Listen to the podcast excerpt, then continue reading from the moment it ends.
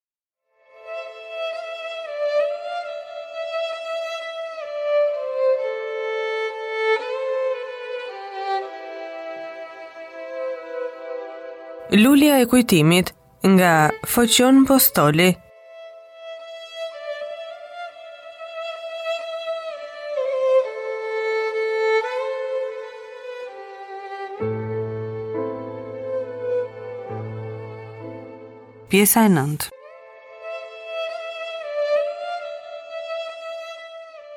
Dhe kështu që të dy prenë bisedimet për atë çështje. Planin ose komplotin kundra Dhimitrit, Nikoja e kish të përgatitur që më parë.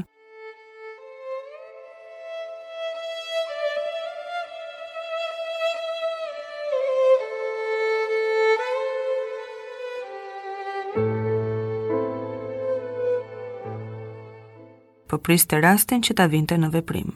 Sot, pas dëshirës së tij, rasti erdhi.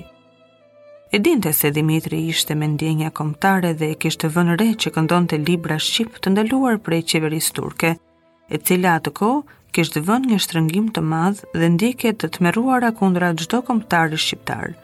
Burgu, syrgjyni dhe peshqit e detit prisnin dëshmorët e vërtetë të fatziut komb shqiptar.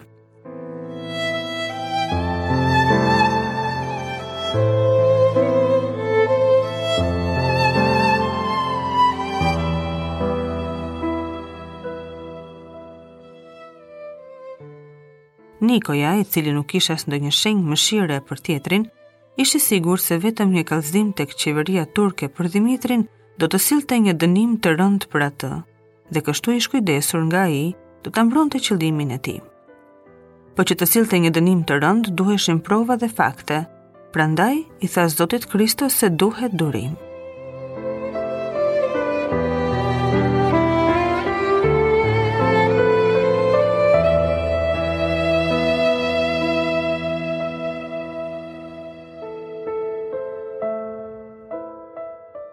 Një ditë Nikoja, i cili ruante Dhimitrin me dhelpëri, e vuri re se ai kish një libër mjaft të madh, të cilin mbrëmave e merrte me vete.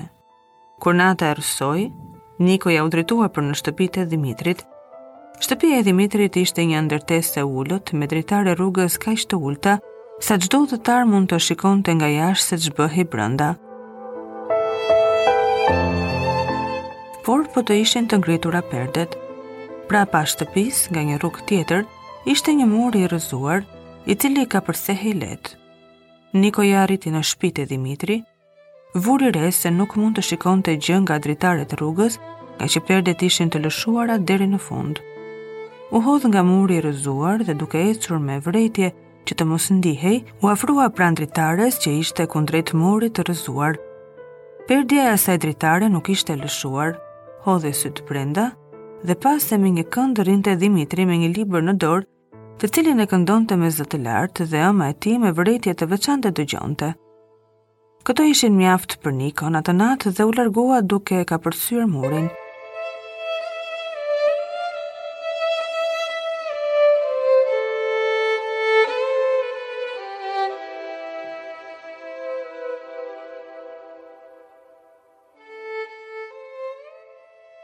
Më një kafe afër zallit ku mblidhen kasapët dhe lëkurxhinjtë të Korçës dhe myshtërinjtë që nuk lipseshin kurrë andej, ishin Nuç kasapi dhe Tushi lëkuraxhiu. Këta dy bukurosh ishin me një mendim dhe nuk përfillnin as shtëpi, as punë, as kup.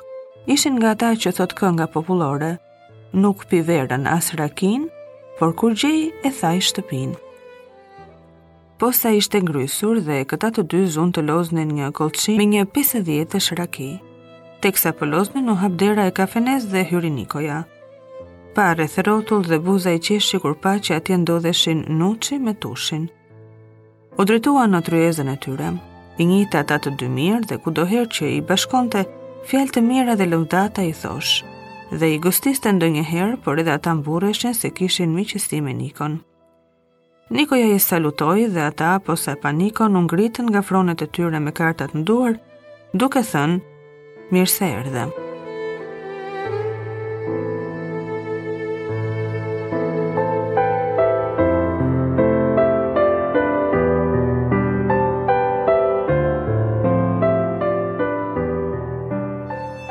Më duket tha Nikoja si ndenjtën që të tre, e kini zënë kollçinën, Po ç'të bëjmë, iu përgjigj Nuçi.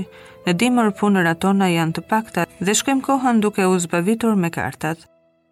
Po të pyesësh për punët e lëkurave, shtoi Tushi, për zotin as që është dukur ndonjë prej kohësh. Kafexhi, thirri Tushi, gostite Nikon, Dhe për pak një djalosh u duk me një mësallë të palarë prej kohësh duke thënë: "Ç'urdhëroni zoti Niko." Një llokume për mua dhe një 50-sh raki për këta zotërinjtë nga unë, tha Nikoja. Nuçi me Tushin 50-shve të para ua kishin tharë qoshin që kuri. Ata protestuan sikur nuk donin të pinin, por Nikoja u tha se do të mbetej hatri po të mos pinin.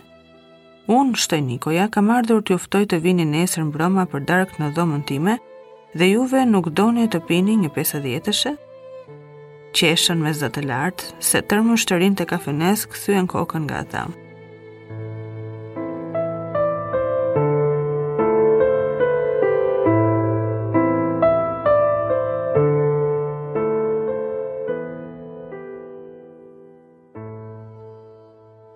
Le t'i lëmë mënjanë shakat, pasaj Nikoja. Unë kam ardhur me të vërtetë që t'ju them se nesër mbrëma ju kam për darkë, po meqënëse jam i vetëm, ju lutem, bëni një tavë të mirë siç e dini juve. Sa për të pirë, keni mjaft kohë të zgjidhni nga më të mirat, ja ku ju jap edhe dy mexhitë dhe po të prishni më shumë më thoni. Or me të vërtetë e ke, thanë të dy me një zë, pa dyshim me të vërtetë.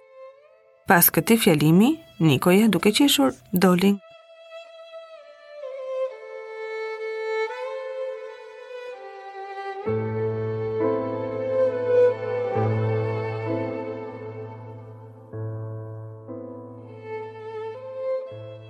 Nuçi me Tushin, morën dy mexhitët e Nikos me gëzim. Ç'do t'ia shtrejmë nesër mbrëma, thanë. Të nesërmbrëma, Nuçi, duke mbajtur në duar një tavë dhe dy somune bukë, dhe Tushi një botilje me raki dhe një zamzan me verë, arrin në dhomën e Nikos, ku ai i priti me buzë të qeshur dhe me lajka si miq të vjetër. Shisheja me raki u zbraz nga gurmazet e tyre, tava mbushi stomakët e zbrazura dhe zamzaneja me verë po afrohej duke mbaruar. Atëherë Nikoja, duke parë se Nuçi me Tushin